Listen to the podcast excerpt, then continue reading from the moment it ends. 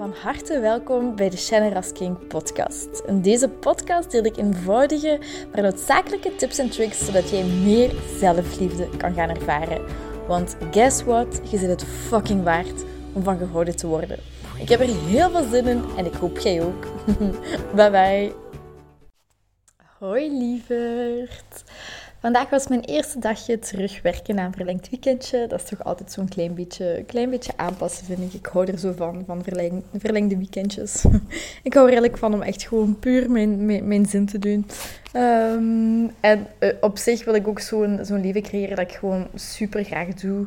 Of super graag kan doen wat ik, uh, wat ik, wat ik wil doen. Um, dus, maar bon vandaag dan de eerste dag terugwerken. En zoals ik ook gisteren in mijn podcast zei, heb ik het idee, eh, of wil ik het graag in deze podcast hebben over ehm, hoe om te gaan met ehm, angst in de media en met uh, negatief nieuws in de media. Of angst onder, onder, um, onder, onder collega's of in de familie of eender wat.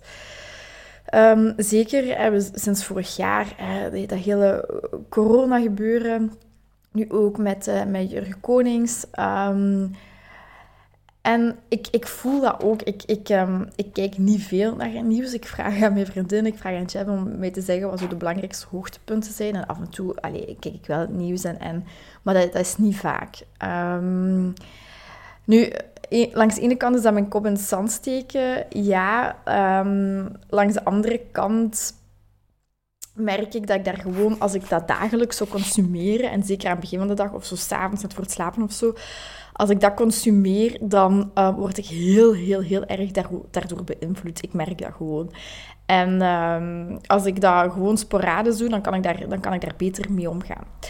Maar dus, hoe gaat je om met, met die angsten, met die negatieve uh, negativiteit, um, met, met, met die gevoelens? Ik weet nog heel goed, vorig jaar in januari zat ik in Sri Lanka. En toen was er net sprake van corona, dat dat in China uitgebroken was. En dat wij, wij zaten op de luchthaven van Sri Lanka en we gingen terugvliegen naar België. En ineens had iedereen daar mondmaskers op. Enfin, iedereen, degene die dat nog konden krijgen. Ineens werd dat heel, um, werd dat heel gedoe van... Oh my god, we moeten een mondmasker hebben. En naar de apotheek geweest. En dat was uitverkocht. En ik voelde zo Um, doordat, want ik was er niet zoveel mee bezig, maar mijn twee vriendinnen waren er iets, iets meer mee bezig. Van, die, die volgen actualiteit ook en zo. En dus we moeten, moeten dat hebben. En ik voelde zo hun angst. En ik ging daar zo bijna in mee, dat ik dacht van oké, nee, nee Shannon, we gaan niet in die angst meegaan. Of bijvoorbeeld wanneer je dan het nieuws volgt nu over, over, uh, over, over de cijfers en zoveel aantal doden, voel ik ook die angst van oh my god, was dat met mij of mijn familie gebeurd? Of nu met Jurgen Konings, was die een, een aanslag gaat plegen? Um, allemaal van die dingen dat je merkt van oké, ik word daar angstig door, ik word daar gestrest door, ik, ik, ik ben dan niet innerlijk rustig of ik ben dan niet de gelukkigste versie die, die ik eigenlijk wil zijn. En um, het, zijn, het zijn in principe drie, drie stappen die ik ga overlopen, maar ik ga een beetje meer info daar ook over geven. Dus hoe je daarmee kunt omgaan is vanaf het moment, en dat is in elke situatie als je je angstig voelt of gestresseerd. Maar nu ga ik het specifiek over het nieuws hebben. op elk moment, wanneer je merkt, oké, nu word ik opgejaagd, nu word ik angstig, nu word ik gestresseerd, nu begin ik te panikeren, dan is het de eerste stap heel belangrijk om dat gewoon te gaan observeren, je daar bewust van te worden, in plaats van je daarmee te identificeren. Vanaf het moment dat jij bewust wordt van je, van je angstige gevoelens, van je angstige gedachten, dan zijt je daar niet meer mee geïdentificeerd. Je bent daarmee geïdentificeerd als je niet doorhebt dat je angstig bent, dat je heel angstig bent, maar dat je eigenlijk niet genoeg bewustzijn hebt om het te observeren. En elk moment dat jij ervoor kiest om dat te gaan observeren, wint je aan bewustzijn. En zo creëert je veel meer innerlijke rust en wat zich uit in meer geluk en meer zelfliefde. Dus dat is de eerste stap wanneer je je angstig voelt, voelt voelen, wanneer je merkt dat je panikeert, oké, neem even een stapje terug, adem in, uit en observeer gewoon hoe je je voelt. En je moet daar geen label op plakken. Dat mag. Je mocht zeggen, ik voel mij angstig, ik voel mij depressief, ik voel mij, ik voel um, opgejaagd, gestresseerd. Dat is oké. Maar in plaats van u daarmee te vereenzelvigen met dat gevoel, gaat je dat observeren. Observeer je gedachten. Welke gedachten zorgen ervoor dat je panikeert? Is dat dat je schrik hebt dat met je familie gaat komen? Heb je schrik dat dat, um, dat, dat gaat uitbreken en dat, dat, we, dat er geen eten meer gaat zijn? Dat je, dat je gaat doodgaan?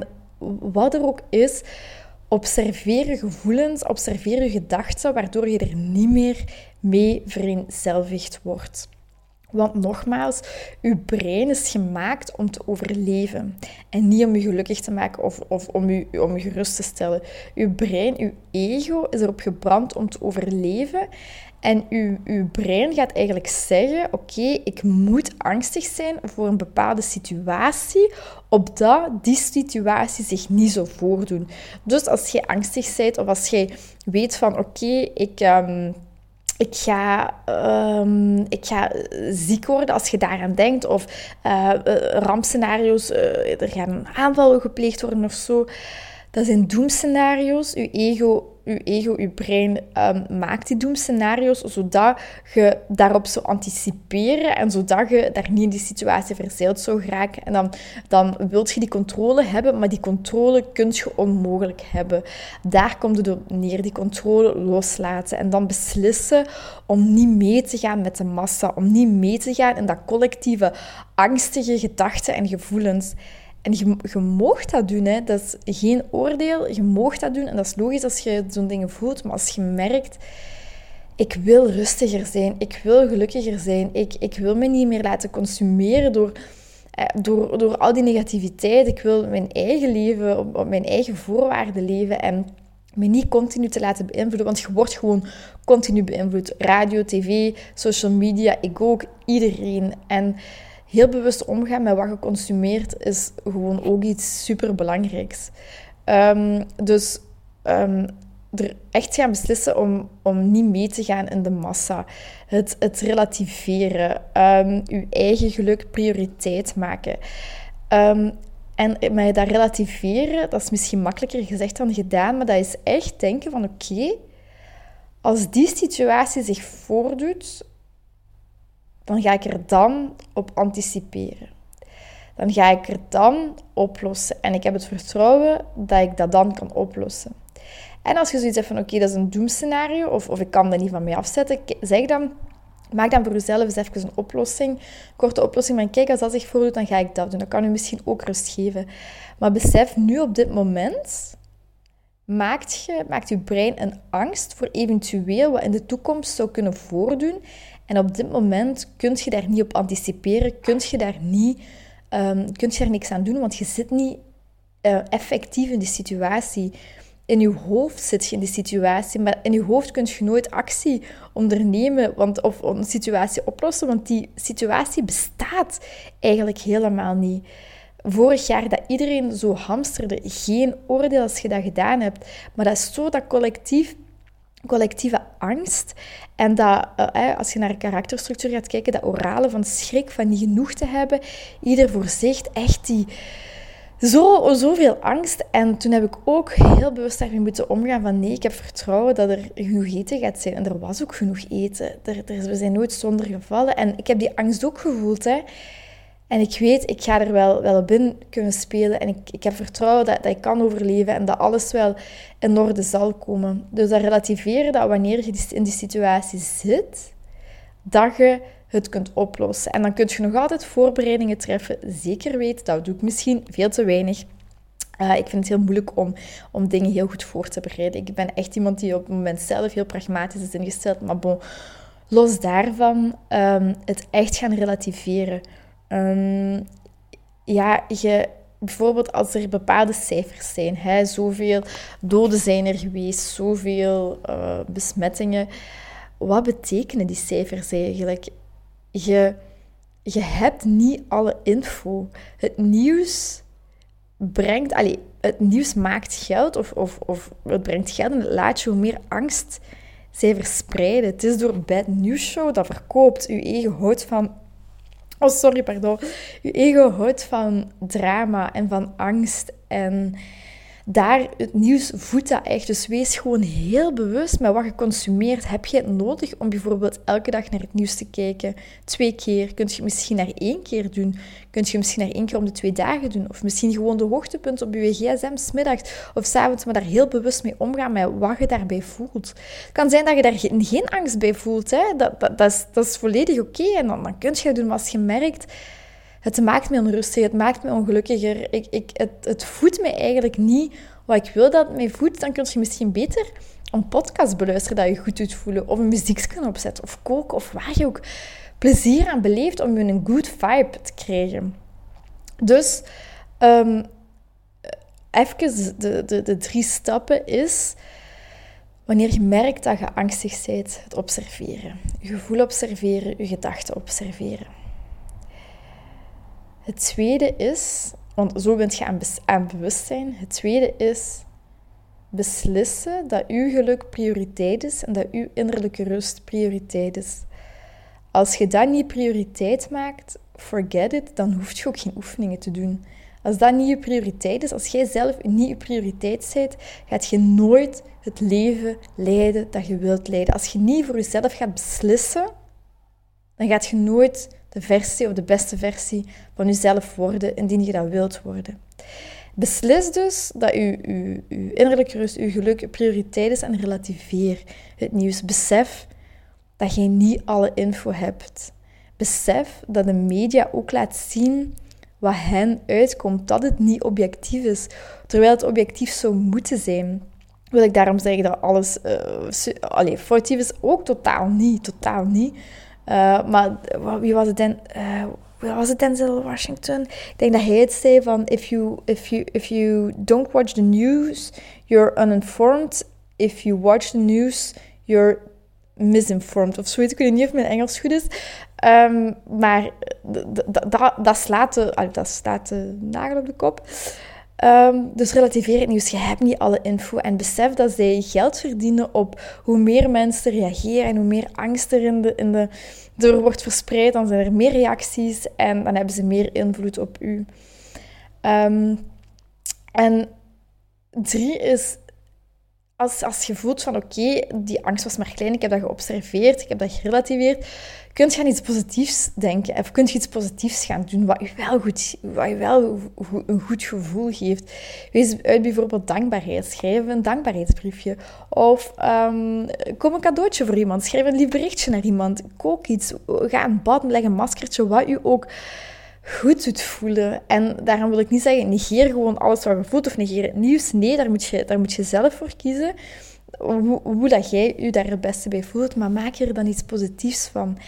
En stel jezelf de vraag is, hoeveel, hoeveel um, content, hoeveel nieuws, hoeveel social media consumeer ik, dat ik eigenlijk die tijd zou kunnen spenderen in iets productievers of in iets in mijzelf. En ik weet dat is niet altijd gemakkelijk, want wij zijn wezens. Wij willen liefst in onze comfortzone blijven op, op, op onbewust vlak.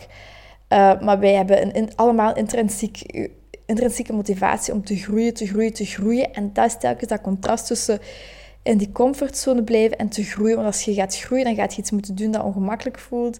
Uh, al is het maar een andere podcast opzetten of iets nieuws proberen, dat voelt ongemakkelijk.